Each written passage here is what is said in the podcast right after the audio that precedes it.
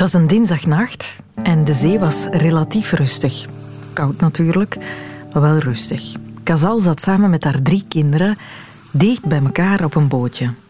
Dit zou het laatste stuk zijn van de lange reis die ze samen hadden gemaakt. Helemaal van Irak over het Europese vasteland tot in Calais.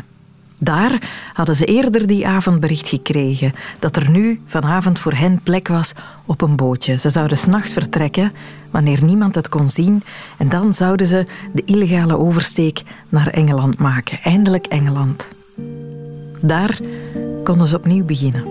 Net als al de anderen op hun boot hoopten ze dat het leven daar beter zou zijn. Ze hadden er niet op gerekend dat hun bootje plots halverwege water zou beginnen maken. Ze hadden er niet op gerekend dat ze plots allemaal in het water zouden terechtkomen, in dat ijskoude water. Ze hadden er niet op gerekend dat ze die nacht onderkoeld en van pure uitputting zouden sterven, één per één. Ze hadden er niet op gerekend dat vissers de volgende ochtend hun lichamen één per één zouden zien aanspoelen. Dat is niet zo lang geleden gebeurd hier bij ons in de Noordzee, om onze hoek. En eigenlijk hebben we het daar amper over gehad. Dus laat ons dat nu eens doen. Welkom in de wereld van Sophie.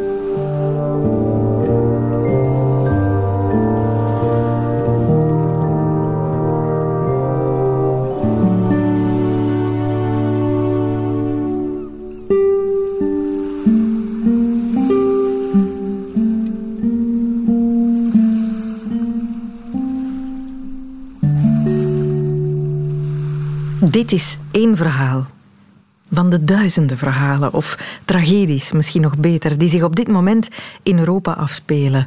Duizenden en duizenden en duizenden mensen die rondzwerven op zoek naar een veilige plek om te kunnen gaan wonen en die zich in geïmproviseerde tentjes warm moeten zien te houden, ergens langs de kant van de baan, die zich moeten verstoppen achteraan in vrachtwagens, varen op gammele bootjes van grens naar grens, wij zien die dingen in het nieuws, wij lezen daarover in de krant en toch hebben we het daar eigenlijk amper over.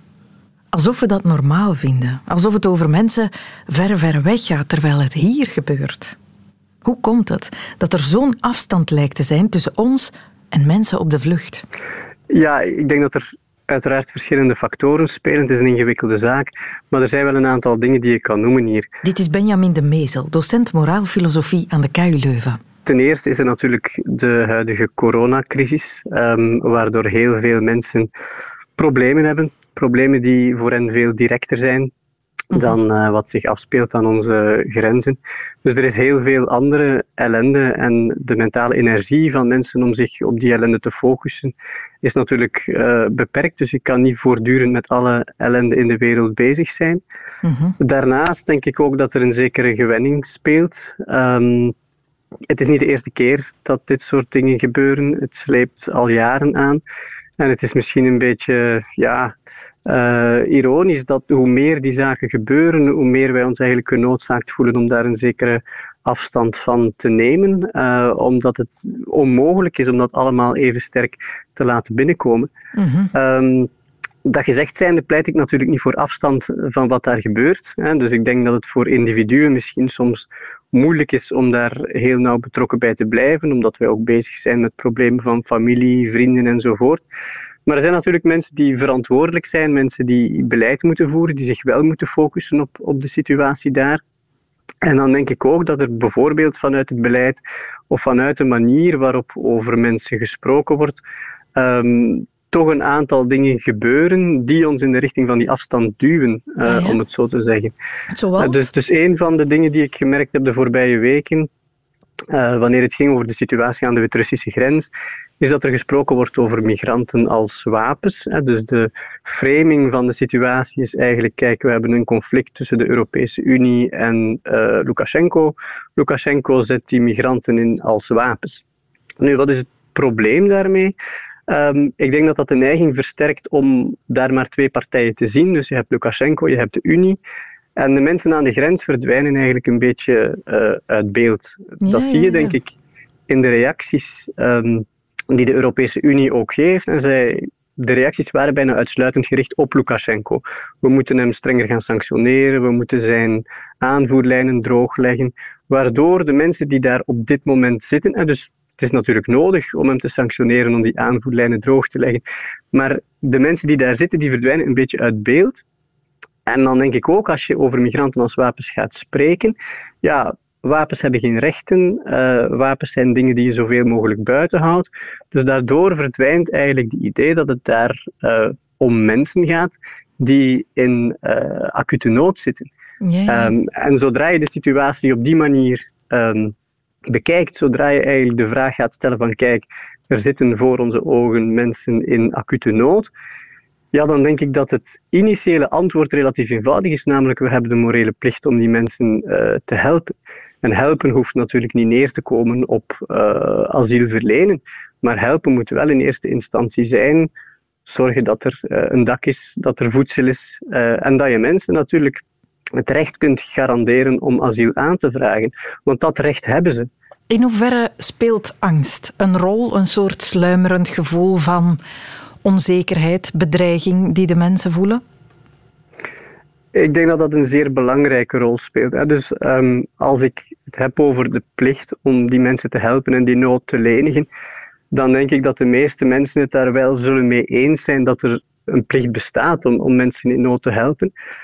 Um, maar men voelt een zekere dreiging. Men denkt, ja, als we die mensen gaan helpen, en ik heb het hier dan meer specifiek misschien over de situatie aan de Wit-Russische grens, als we die mensen gaan helpen, dan gaat er van alles op ons afkomen. Um, het aanzuigeffect is iets wat heel vaak wordt uh, genoemd. Hè. Um, het is niet zeker of er zo'n aanzuigeffect bestaat, dus academici zijn het daar niet over eens. Maar ik denk ook dat wanneer het gaat over mensen in acute nood, dat dat nadenken op dat moment over het aanzuigeffect eigenlijk um, niet zou mogen. Dus wat ik bedoel is het volgende. Ik ga proberen een soort vergelijking te maken. Mhm. um, als je aan de COVID-crisis denkt, dan zou je kunnen zeggen, kijk, we gaan uh, onze ziekenhuizen sluiten. En zoals ook mensen pleiten voor het hermetisch afsluiten van uh, de grenzen. Als we die zieken niet verzorgen en we gaan onze ziekenhuizen sluiten, ja, dan zullen veel mensen waarschijnlijk voorzichtiger worden. Uh, er zullen misschien minder besmettingen zijn. En dus creëert uh, goede zorg misschien een soort aanzuigeffect. Dus als we mensen goed verzorgen, als we mensen goed opvangen, ja, dan gaat dat misschien een aanzuigeffect creëren. Mensen gaan wat risico's nemen, ze weten dat ze goed verzorgd uh, zullen worden enzovoort. Maar is dat nu een reden om minder goed voor zieke mensen te gaan zorgen? Het idee dat dat misschien zal leiden tot een soort aanzuigeffect, dat denk ik niet. Mhm. en, en hetzelfde, denk ik, heb je aan de grens. Dus de mogelijkheid van een, een aanzuigeffect is geen onmiddellijke reden om die acute nood niet uh, te lenigen. Het beruchte aanzuigeffect, dat hoor je inderdaad wel eens. Net als het argument dat dit niet ons probleem is, maar dat een ander land het moet oplossen. Of dat de vluchtelingen zichzelf in deze problemen brengen. Nee, zegt de mezel. Het probleem is hier. Wij moeten ook onze verantwoordelijkheid nemen. Uh, men zegt soms, ja, kijk, het is uh, Lukashenko die verantwoordelijk is voor de situatie. Het zijn de mensensmokkelaars die verantwoordelijk zijn voor de situatie. Het zijn de migranten zelf die verantwoordelijk zijn. Maar je krijgt dus een voortdurend afschuiven van verantwoordelijkheid op de ander. Uh, ook bijvoorbeeld tussen, tussen Frankrijk en, en Groot-Brittannië over wat nu gebeurt op het kanaal. Terwijl je soms moet zeggen, kijk, wij nemen onze verantwoordelijkheid. Wij gaan nu eens tonen dat wij ons eigen rechtssysteem kunnen respecteren. Dat mhm. voor ons die mensenrechten geen lege doos zijn. Ik denk dat dat de enige manier is waarop je met die situatie um, op een heldere en consistente manier kunt uh, omgaan. We moeten onze prioriteiten eigenlijk juist hebben. Eerst iemand die in nood is helpen en dan op zoek gaan naar de oplossingen op grotere, op, op macroniveau. Ja, dat denk ik absoluut. Omdat je ook heel vaak ziet um, dat er wordt gezegd van ja, die mensen nu, dat is tragisch, maar er komt een asielbeleid waarin dat allemaal zo en zo gaat worden opgelost. Maar zolang dat asielbeleid er niet is, en zolang dat onbestaande is, zolang dat nog moet uitgewerkt worden, zolang je daarvoor uh, zegt beroep te gaan doen op derde partijen enzovoort, blijft er wel de acute situatie van de mensen die nu in de problemen zitten. En die moet je aanpakken. En ik denk ook dat Europa de middelen heeft om dat aan te pakken. Europa kan dat. Wij kunnen dat. En toch zijn het maar enkelingen die de handen uit de mouwen steken, die actief proberen het lot van mensen op de vlucht te verbeteren. Mirjam is zo iemand. Zij start een vluchtelingenproject Zeebrugge samen met haar man en met de hulp van priester Fernand Maréchal. Die zette zijn pastorie open om kleding, voeding, maar ook gezondheidszorg te bieden aan de mensen die vanuit de haven van Zeebrugge naar Groot-Brittannië proberen te geraken. Een initiatief dat in de loop der jaren gegroeid is en dat ook ondertussen al een aantal keren in de prijzen viel. Waarom doet Mirjam wel wat nodig is? Lotte de Kaluwe zocht haar op in de pastorie. Het is hier druk bij vandaag. Daar is de douchecabine die gekocht is door de bisdom van Brugge, die ons gesponsord hebben om die douchecabine hier te krijgen, omdat de, de vluchtelingen nergens konden gaan douchen. In het begin was dat een probleem en daarom hebben we dat gevraagd aan Bisdom. En Bisdom heeft dus de container gesponsord en hier in de tuin gezet van de pastoor, zodat ze hier elke maandag kunnen komen douchen. En ze krijgen dan uh, propere kledij, een t-shirt, een, een, een boxershort, sokken, al, al wat dat ze willen kunnen ze hier krijgen op de maandag. Ook zijn de dokters hier aanwezig, dokters van de wereld. En die kunnen dus ook op consultatie gaan als ze problemen hebben, die jongens. Komen daar veel vluchtelingen op af? In de zomer meer, maar nu is dat koud. En ze, ze gaan meestal naar Oostende. Daar kunnen ze ergens, hebben ze een plaats, hebben ze ons al verteld, dat ze binnen kunnen en dat ze daar kunnen gaan douchen. Ook bijvoorbeeld een warme maaltijd krijgen. Maar hier ja, zijn we nu met die corona, moeten we nu heel voorzichtig zijn. We geven nu lunchpakketten. Elke dag krijgen ze een lunchpakket. Om vijf uur krijgen ze dat aan de deur. Maar wat dat ze eten, dat weten we ook niet. Of voordat ze slapen, dat weten we ook niet. Dat kunnen we niet, niet zeggen.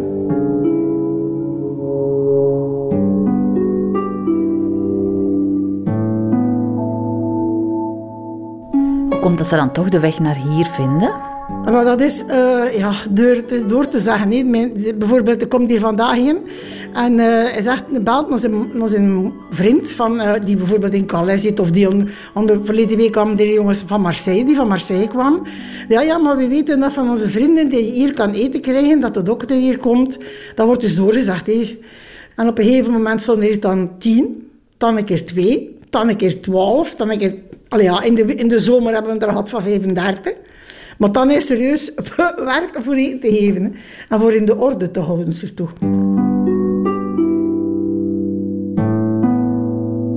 Hoe ben je daar ooit mee begonnen? En wanneer? Uh, eind 2015. Uh, eh, ik woon in de Bastenakenstraat, dus in het klein kerkje. En er stonden daar twee vluchtelingen. En die, die hadden koud en die wisten niet wat dat er moest, moest begonnen worden. En die vroegen uh, boterham of eten. En we zijn dan begonnen met boterhammen te smeren. En een pot soep open te doen. En, uh, en een beetje ja, een zakdoekje zo, of, of, of een regenjas of, of hetgeen dat we hadden. Of niet hadden, ja, we gingen dat dan daarachter vragen. Maar hetgeen dat we hadden, hebben we altijd gegeven aan de jongens. En mijn man had ook in de, in de duinen een valies gevonden met kledij. En mijn man zei, dat is niet, dat is raar. Dat is raar. En hij is naar huis gekomen en zegt van, hij zegt, ik denk dat er vluchtelingen op gang zijn. Want in de duinen staat dus een valies met kledij.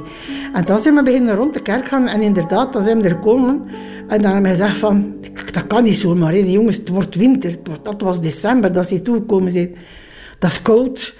Uh, wat gaan we daarmee doen? Dan hebben bij de pastoor gekomen en hij zegt van, goh, Fernand, wat gaan we daarmee doen? Ah ja, vandaag zegt van, ah ja, we kunnen bijvoorbeeld al beginnen met oproep te doen voor uh, kledij, uh, schoenen, rugzakken, uh, slaapzakken, dekens, al wat dat we kunnen krijgen. Ook voeding. Um, en dat werd er allemaal bij mij in mijn kleding. En ik had zo'n klein kamertje gestapeld. Dus ik kon er niet meer binnen. Ik was hier niet meer draaien van. ja, en dan zo zijn we begonnen en dan zijn we er nog altijd mee bezig.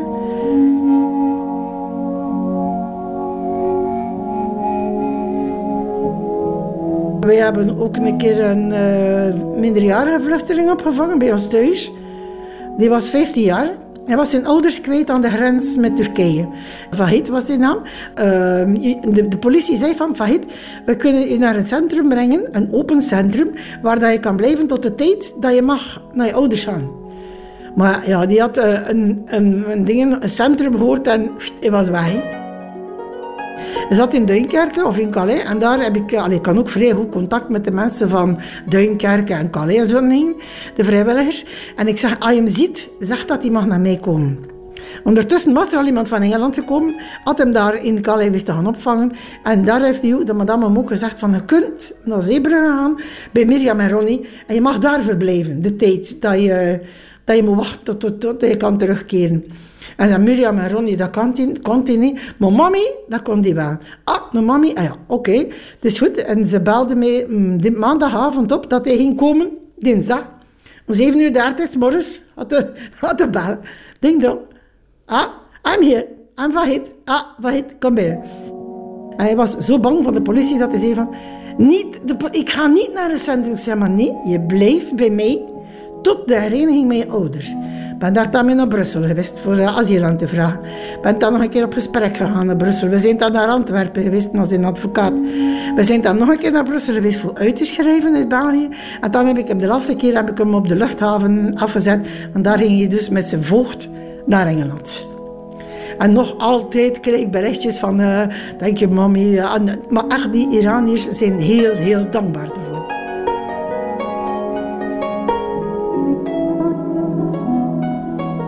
Komt dat hij jou mami noemde? Iedereen, de, ze, zeggen niet, ze zeggen niet mijn naam, maar ze roepen allemaal mami. Mami, mami. Dat is hier, uh, ja. Maar in Dunkerque en Calais doen ze dat ook. Als ze zo'n bepaald persoon hebben die ze vertrouwen, roepen ze mami. En dat is altijd mami. Ik ben, mijn naam kennen ze Mirjam, dat kennen ze niet, maar mami, dat kennen ze wel. Dat is wel een compliment, nee? Ja, ja, ja, ja, dat wel. Maar ik zeg, ik ken daar heel veel van die Iraniërs die bijvoorbeeld allemaal in Engeland zijn. Heel veel dankbaarheid als ze, als ze me bellen of als ze op bezoek komen. Zo komen dus bijvoorbeeld mensen die papieren al hebben. Er zijn uh, twee, vorig jaar twee uh, kappers van Engeland teruggekeerd voor in Duinkerk en Calais gaan haar te knippen. En ze zijn dan naar Zeebrugge overgekomen voor mami te komen goeiedag zeggen. En dan ook een keer een koppel dat van Duitsland gekomen is. Die, die hebben asiel gekregen in Duitsland. En uh, die, die stuurden een berichtje. Mami, are you at home? Yes. Ah, can we come? Het was al tien en half ik zei, ja, kom maar. En in één keer stonden ze daar dus, die, die man en die vrouw die hier geweest hadden, een hele tijd, met hun dochtertje. En ze ondertussen dan. En ze hadden zo een, een warme sjaal mee voor mij.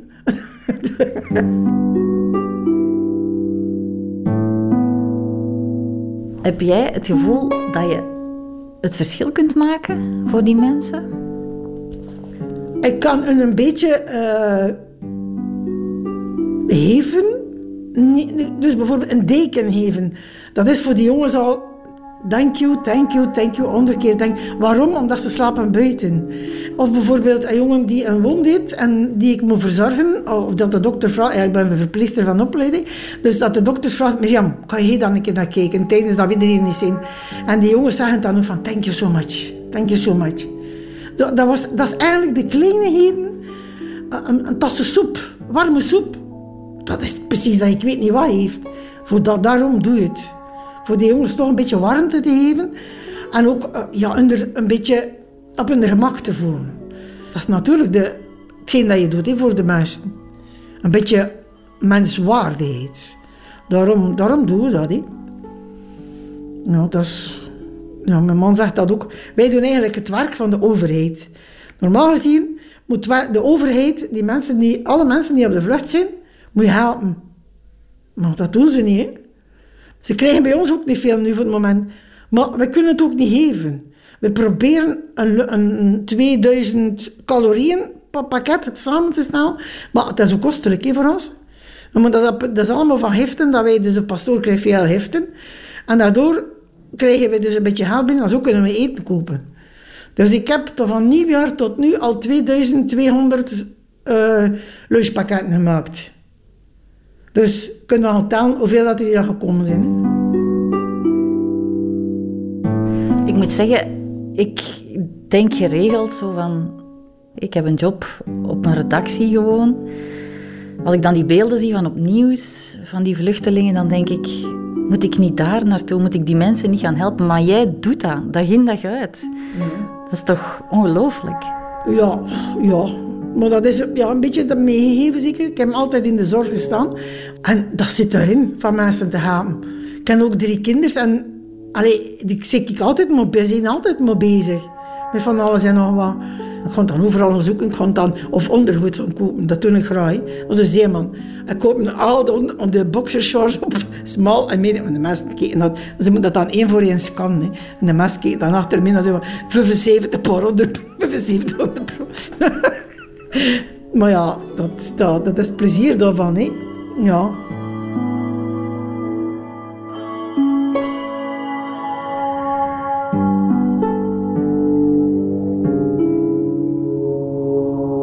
Dat is mami. Zo mogen er toch nog zijn. Weet je wat mij opviel? Hoe mami of Mirjam consequent over haar jongen spreekt. Alsof die uit haar wijk komen, die mannen die zij helpt. Ook al komen ze van de andere kant van de wereld. Dat is een groot verschil met de killere termen die je vaak in het nieuws hoort of in de kranten leest. Transmigranten, transitmigranten, vluchtelingen, bootvluchtelingen kan dat ook een rol spelen? Kan de taal die we gebruiken beïnvloeden hoe we naar de mensen om ons heen kijken? Dat vroeg ik aan professor Wim van den Bussen. Hij is professor Nederlandse taalkunde en taalsocioloog aan de VUB. Daar is onder taalkundigen al heel lang discussie over. Hè. Er zijn uh, twee taalkundigen, Sapir en Worf, die vaak geciteerd worden in die context, uh, die dus een hypothese gemaakt hebben die in de sterkste vorm zegt ja, je taal bepaalt hoe je naar de wereld kijkt. Vandaag is er nauwelijks nog een taalkundige die dat in de heel harde, brede vorm uh, uh, nog, nog ondersteunt. Maar het leidt geen twijfel uh, dat de woorden die je gebruikt, dat de uitdrukkingen die je gebruikt, dat die wel zorgen voor een bepaalde beeldvorming. Dat je ervoor kunnen zorgen dat je van, van mensen of van, van een bepaald maatschappelijk fenomeen, dat je daar een bepaalde indruk van creëert. En die kan positief zijn, maar die kan ook heel goed negatief zijn. Mm Je kan bijvoorbeeld met metaforen als een vluchtelingenstroom of uh, vluchtelingen die het land overspoelen, kan je wel een bepaald beeld oproepen of, of een bepaald gevoel oproepen. Het kan ja. angstaanjagend zijn, zoiets. Klopt, hè? dus die, die, eh, die overspoelingsmetafoor uh, die, die is ook al gekend, die is ook niet nieuw, hè? door de geschiedenis vaak gebruikt. Hè? Maar dat, dat uh, appelleert aan bepaalde angsten van mensen. Dat, uh, dat klinkt bedreigend. Uh, bedoel, ook als je het hebt over een tsunami aan vluchtelingen bijvoorbeeld, iets wat je, wat je ook wel eens hoort bij bepaalde commentatoren en in bepaalde politieke sferen, ja, dat is ook niet onschuldig. Hè. Daarmee creëer je echt die idee van, van iets wat heel erg bedreigend is, iets wat levensbedreigend is, iets waar je bang voor moet zijn, iets waar je je tegen moet beschermen. dus ook daar moet je goed over nadenken en bedoel, zeker in, in, in het geval van politiek taalgebruik, uh, bestaat die discussie al lang, uh, is die analyse ook al herhaaldelijk gemaakt, maar je ziet dus dat generatie op generatie men dat soort metaforen blijft gebruiken over de hele breedte van het politieke spectrum. Het woord transmigrant op zich is een neutrale term. Misschien een beetje zakelijk, misschien een beetje kil, maar je moet er wel mee opletten. Ik denk dat alles afhangt van de context waarin je die term gebruikt. Als je die term uh, nuchter bekijkt, dan is die vrij zakelijk en die zegt ook vrij duidelijk waar het om gaat. Het gaat over mensen die migreren van één plek naar een andere en die bij ons uh, of in een bepaalde regio in transit zijn, tussen aanhalingstekens. Dus aan zich is die term niet al te problematisch. Ze is vrij afstandelijk, ze kan vrij kil klinken, zeker als je het vergelijkt met de jongens, waar die fantastische mevrouw het net over had. Mm -hmm. uh, waar, het, waar het moeilijk wordt, of waar het problematisch kan worden, dat is uh, wanneer je die term gebruikt uh, in een wel bepaalde context, of wanneer je die term gaat verbinden met een aantal andere negatieve elementen. En dat is een discussie die al heel lang bestaat. Hè. We hebben dat gezien in de jaren 80 en 90. Um, als, als we de hele discussie hadden over mag je de term migrant nog gebruiken of niet, doe je dat of niet, vervang je die niet liever door een andere term. We zijn van migrant op een bepaald uh, ogenblik overgestapt op, uh, op allochtoon. Vroeger hadden we gastarbeider. Ook dat zijn termen die aan zich misschien vrij neutraal waren, maar die in contexten gebruikt werden waar dan een negatieve beeldvorming ontstond. Ik, ik geef een aantal notoir gekende voorbeelden. Als een partij zoals het uh, Vlaams Blok in de jaren tachtig zonder enige gêne de term migrant of immigrant verbond met uh, het voorkomen van venerische ziekten of schurft uh, tijdens, tijdens congressen daarover. Dat gebeurde zonder gêne, maar dat was mhm. niet onschuldig.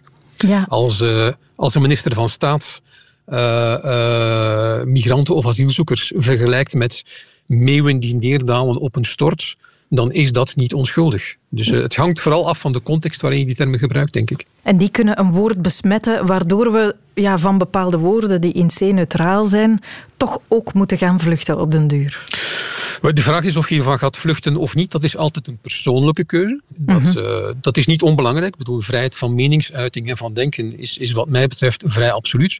Maar het is ook een maatschappelijke keuze. En je kunt niet doen alsof je je niet bewust bent van de maatschappelijke impact die zoiets heeft. Als een bepaalde maatschappelijke groep een term echt als denigrerend gaat ervaren, als beledigend gaat ervaren, als kwetsend, dan heb je de keuze als mens, als lid van een maatschappij, als iemand die ook een bepaalde verantwoordelijkheid heeft, om die term nog te gebruiken, dan wel om dat niet meer te doen. Dat is je eigen keuze. En of je dat doet of niet, dat moet je zelf weten. Maar je kunt niet doen alsof je er niet van bewust bent dat die connotatie er is. En in een aantal gevallen hebben we inderdaad ook afstand genomen van, uh, van termen. Je kunt vandaag het woord, en ik open heel duidelijk de aanhalingstekens neger, sluit aanhalingstekens, dat woord kun je vandaag eigenlijk nauwelijks of niet meer gebruiken, want je weet dat dat als zeer beledigend ervaren wordt uh, door mensen met een donkere huidskleur. Dus dat doe je niet meer. Mm Tenzij je ervoor kiest om dat wel te doen. Uh, dus dan, dan, gebruik je andere termen. Uh, maar er zijn bepaalde termen die door de context waarin ze gebruikt worden, of door een aantal maatschappelijke factoren zodanig beledigend worden, dat je toch eens goed moet nadenken, gebruik ik dat nog of niet? En toen voegde de professor ook nog dit toe. Even misschien een beetje stappend uit mijn rol als academicus. Ik denk dat het er ook heel erg van afhangt hoe meelevend en hoe mensvoelend je wil zijn in deze discussie. Je kunt dingen heel nuchter bekijken, maar je moet er je altijd van bewust zijn dat wat je zegt een impact heeft op mensen. Mhm. Eh, en wat mij heel erg opvalt in deze discussie is dat een bepaald historisch besef soms heel ver zoekt, zoek kan zijn. Ik zeg maar één iets, mijn grootmoeder was ook een vluchteling toen ze klein kindje was in de Eerste Wereldoorlog. Mhm. Dat is nog niet zo lang geleden. De mensen die je vandaag ziet, uh, soms in heel erg wanhopige situaties, en die proberen uh, een beter leven te bereiken voor zichzelf en voor hun kinderen, die doen dat ook niet zomaar, die doen dat ook vanuit wanhoop. Uh, en de wanhoop die je daar ziet, op dit ogenblik, dat is een wanhoop die in onze contraien, bij mensen met wie we ons misschien iets meer identificeren, die was daar ook aanwezig 100 jaar geleden. Alleen vergeet men dat vrij makkelijk. We vergeten inderdaad snel. Misschien omdat wij het niet waren, s'nachts onzeker op de vlucht, met ons hebben en ons houden in een klein zakje. Onze grootouders, die dat wel hebben meegemaakt, die zijn dat nog niet vergeten. Die kunnen dat niet vergeten. Net zoals Said Gaida zijn reis naar ons land ook nooit zal vergeten. Zes jaar geleden verliet hij zijn geboorteland Syrië. Na een tocht van twee weken, die voor een stuk ook over zee ging, kwam hij aan in Brussel. Said is intussen Belg, hij heeft hier een job, een vrouw, een dochter, leidt een schijnbaar doodgewoon leven. Maar elke minuut van die twee weken tussen Syrië en België herinnert hij zich alsof het gisteren was. Bij elk nieuwsbericht wordt hij teruggecatapulteerd naar dat rubberen bootje. Bij elk krantenknipsel over de crisis voelt hij weer de angst om het niet te overleven. En bij elke foto van huilende mensen aan een grens hoort hij opnieuw het geschreeuw dat hij ooit hoorde tijdens zijn vlucht.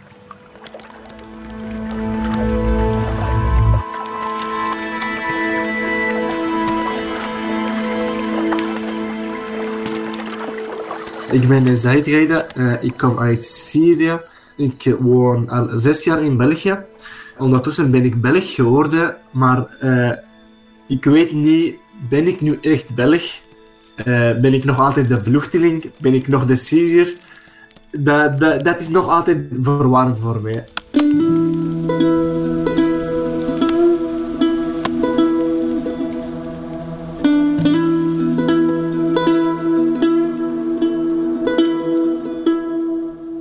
2015, uh, februari, uh, heb ik ook beslist om Syrië te verlaten.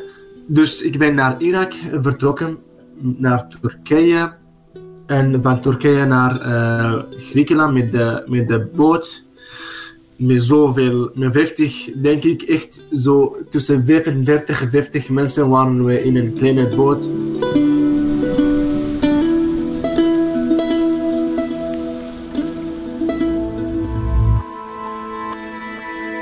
Dat is heel, heel raar gevoel.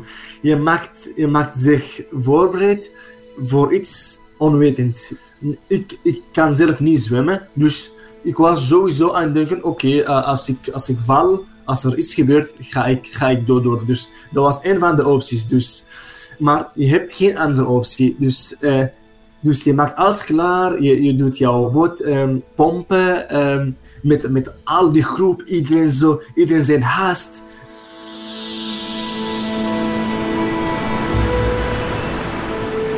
Iedereen was haast. Dit, uh, die, die, de persoon, die smokkelaar zegt, alleen snel, snel, snel, we moeten dat, we moeten dat klaarmaken.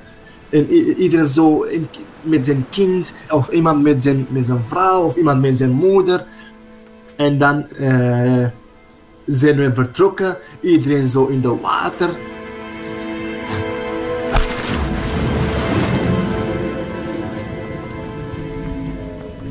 Ik herinner me die, nog altijd die, die, hoe mijn voet onder, onder een, een andere persoon was en ik, ik kon niet bewegen. Uh, iedereen waren bang, iedereen had een schrik en iedereen zeggen oké, we, gaan, we, gaan dat, we gaan dat geraken, uh, we moeten geduld hebben en zo. Niemand, niemand vallen, niemand bewegen.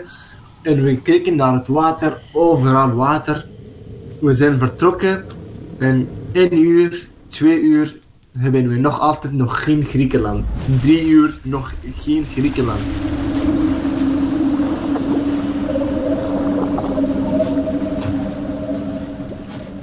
En ik herinner me toen er was een schip zo gepasseerd. Als die schip zo passeert, dan komt er water, die golven en zo. En dan komt het water zo binnen. Na vier uur, er was een politieboot. Die politie, of die man, zegt jullie moeten nu stoppen. Maar we, we, niet stoppen. We wouden verder gaan. Hij zei stop. En dan ineens met zijn wapen, hij zegt als jullie niet stoppen, ga ik uh, die boot kapot te maken. En we hadden zo een kind en we zeggen, kijk, we hebben hier een kind, uh, alsjeblieft uh, niet, niet doen. En hij zei, rustig, rustig. En dan hebben we gelukkig naar de grote boot van de politie en dan samen naar naar de land.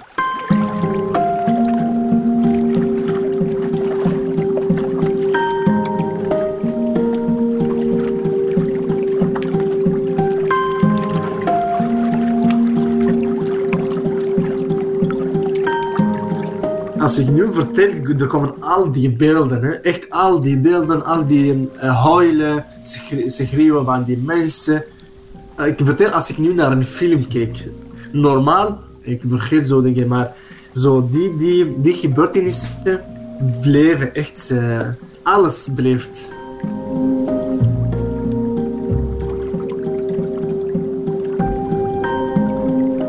Dus van Griekenland naar Athene en dan met de bus naar Macedonië en voet ook. Daarna met de trein naar, uh, naar aan de grens van Macedonië en dan te voet naar Servië. Uiteindelijk met een smokkelaar, met vrachtwagen naar, uh, naar Budapest, naar Oostenrijk, Duitsland. En dan met de trein naar uh, Brussel. Eindelijk ben je in een veilig land. Dat was zo emotioneel. Zo, het is nu rustig, het is nu veilig. Je gaat nu iets nieuws beginnen. Ja, het is een heel triest record op het kanaal vandaag. 31 migranten zijn verdronken, de grootste groep ooit. Een van de slachtoffers was een kind nog. Twee mensen, dat is dan een klein beetje goed nieuws, zijn wel gered, maar ze zijn wel nog onderkoeld en vechten dus nog voor hun leven.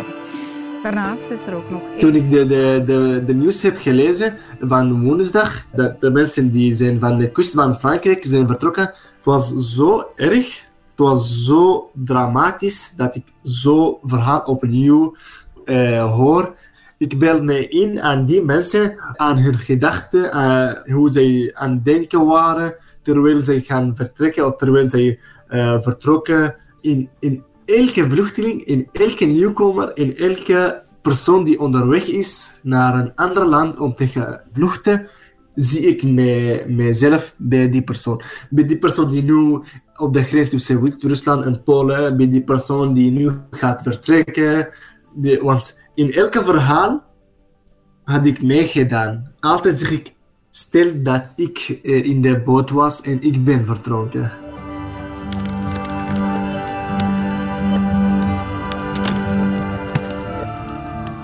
Ik had gedacht dat ik, oké, na zes jaar, eindelijk uh, ga ik niet meer, niet meer herinneren. Uh, ik werk, ik heb, ik heb ondertussen een dochter, maar dit verhaal, die foto's, die beelden komen er elke dag, echt elke dag. Ik ben ook als sociaal werker, dus ik begeleid mensen die nu die paar, die paar maanden hier zijn. Ik zie ook die mensen, ik, ik zie ook de nieuws, maar die beelden na zes jaar, dat dat, dat echt zoals gisteren gebeurd is.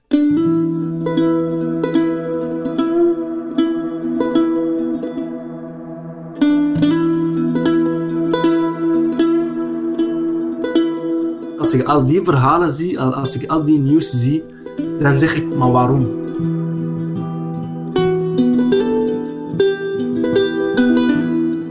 waarom na elke gebeurtenis tussen twee landen, waarom wordt de vluchtelingen gebruikt als slachtoffer?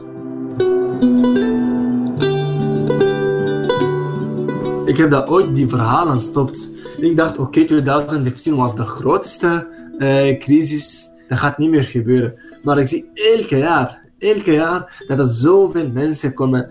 Ik dacht zo ineens, oei, er komen momenteel waarschijnlijk niet meer Syriërs. Alle Syriërs zijn gekomen, maar overal, nu ah, niet alleen Syriërs, maar er hebben overal altijd vluchtelingen komen. Op, op de nieuws, op foto's, heb ik nog nooit iemand gezien die ik hem ken. Maar ik ken mensen die nu onderweg zijn. Die, die waren in Servië, die nu zijn in, in, Duitsland. Ja, eigenlijk zijn er, zijn er veel mensen die in Turkije zijn en die, die bellen ons, ah Zahid, je bent toen vertrokken, wil je dat we nu vertrekken? Ik zeg, het is nu echt winter, het is nu echt moeilijk, alsjeblieft niet vertrekken. En de, de, de, de zee is nu gevaarlijk, probeer maar zoveel mogelijk nu de boten, de, de zee te vermijden. Uh, het is koud, je weet niet waar je gaat geraken in de bossen en zo. Het is nu winter, dus wie wil mag na een paar zes, zes, maanden in, in, het, in het maart, april terug proberen. Is, het is, is, niet gemakkelijk. Maar ja.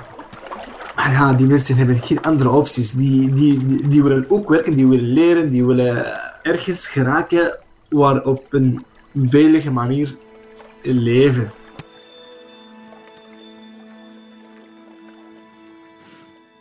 Said kan niet vergeten. Die luxe, dat is voor de volgende generatie. Een reportage van Anke van Meer. Said was volwassen toen hij zijn tocht ondernam. Maar er zijn een pak jongere jongens die hetzelfde avontuur aangaan. Tieners, die zonder ouders, zonder begeleiding, weken, maanden, sommigen zelfs jaren alleen onderweg zijn naar een ander leven. Om vol te houden hebben zij een bijzondere truc ontwikkeld. Ze hebben er een spel van gemaakt. Ze zijn allemaal deelnemers aan The Game. Dat ontdekten twee Nederlandse documentairemaaksters, Eefje van Blankenvoort en Els van Driel, die er samen de film The Shadow Game over maakten. Bart Bogaert sprak met Eefje. Dit zijn kinderen van soms 12, 13 jaar, 14, 15, tieners, soms jongvolwassenen die in hun eentje een enorme reis hebben gemaakt al. 5000 kilometer lopen vanuit Afghanistan of Syrië is geen uitzondering. En vervolgens in Europa hopen bescherming te krijgen, uh, maar juist met geweld worden ontmoet. En dat geweld eh, neemt steeds meer toe op alle plekken in Europa. It is a mission.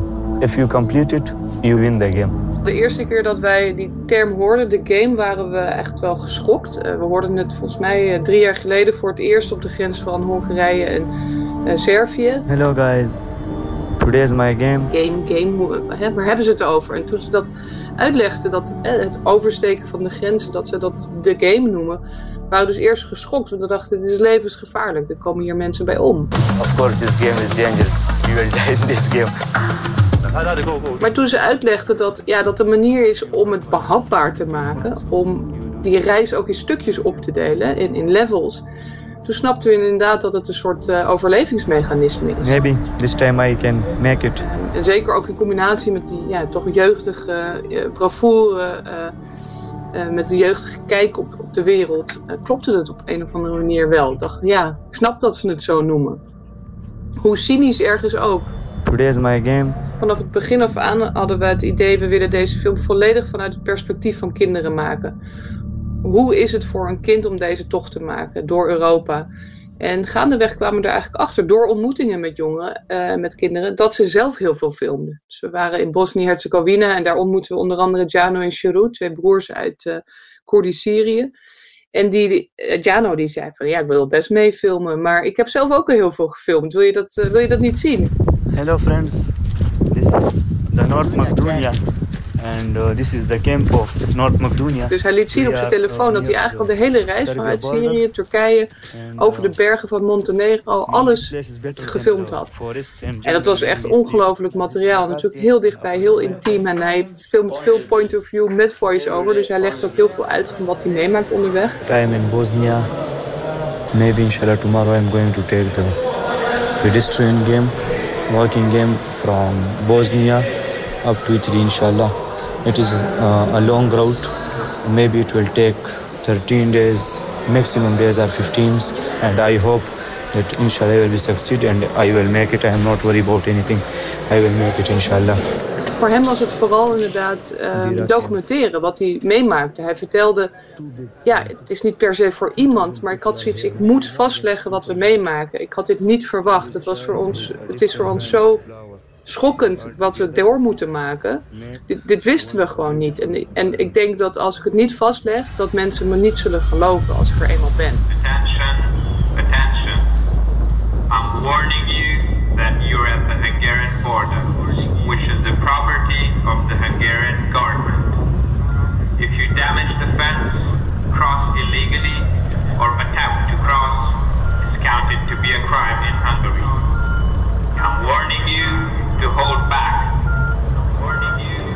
Het liefst wil je ze allemaal de grens mee overhelpen. Uh, en dat is natuurlijk absoluut strafbaar. Dus dat hebben we niet gedaan. En we hebben ook altijd gezegd tegen deze kinderen met wie we ja, gingen filmen. Weet je wat je echt nodig hebt, kunnen wij je niet geven. Want dat is een paspoort en dat is een vliegticket.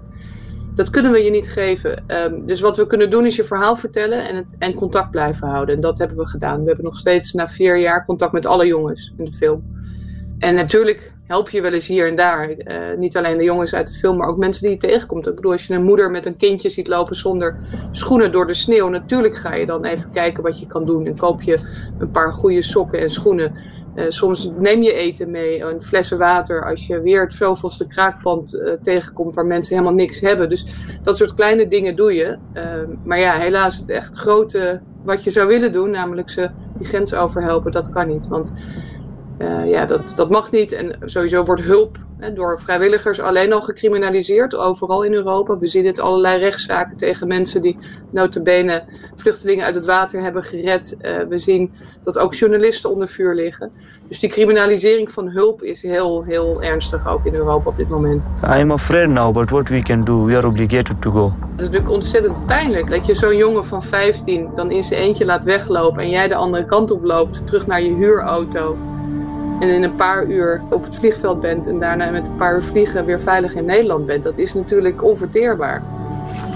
Uh, daar krijg je kortsluiting van in je hoofd. Uh, en tegelijkertijd ja, is dat verhaal vertellen van wat deze kids meemaken, wat deze jongeren meemaken in Europa, dat is wat we kunnen doen. We are afraid, but we will not lose our stamina. We will say that inshallah one day we will make it. We hebben de film hier in Nederland bijvoorbeeld al vertoond aan de IND, de immigratiedienst hier in Nederland, maar ook aan Tweede Kamerleden. We nodigen bij elke vertoning die we hebben zowel de, uh, de Tweede Kamerleden, maar ook lokale politici uit, burgemeesters, wethouders, raadsleden, omdat we ook zeggen, die kinderen, die tieners komen uiteindelijk hier bij jullie in de gemeente aan. Hoe gaan dan met ze om? Hoe ontvangen we ze? Hoe kijken we naar ze? Uh, dus dat is voor heel, ons heel erg belangrijk. Uh, maar we zijn ook bezig met zorgen dat deze jongens uiteindelijk bij, uh, ja, bij jullie in België, in Brussel, in het Europees Parlement kunnen inspreken. Want dat is natuurlijk het belangrijkste. Dat ze uiteindelijk deze jongeren zelf hun verhaal kunnen vertellen. Dat zij een podium krijgen in plaats van dat zij maar in de schaduw verstopt blijven. If you pass, so you will win. That's why they called it game. Het is aan ons. Is uiteindelijk niet eens een film over deze kinderen, maar het is een film over wie wij zijn als Europa en waar we nu zijn beland met ons Europees asielbeleid. En dus ook de oproep: wat kunnen we doen?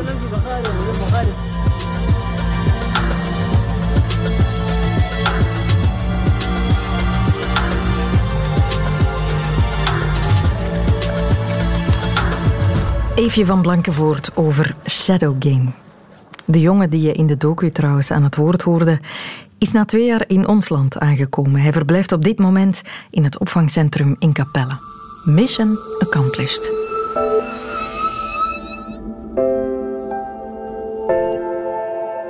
Dit was de wereld van Sophie over mensen op de vlucht. Volgende vrijdag is er weer een nieuwe podcast over een nieuw onderwerp. U kan altijd abonneren om die nieuwe afleveringen vanzelf toegestuurd te krijgen. En u hoort ons ook elke weekdag op Radio 1 tussen 10 uur en 12 uur. Heel graag tot gauw. Dit was een podcast van Radio 1. Ontdek nog meer podcasts van Radio 1 in onze app en op radio1.be. Radio 1. Altijd benieuwd.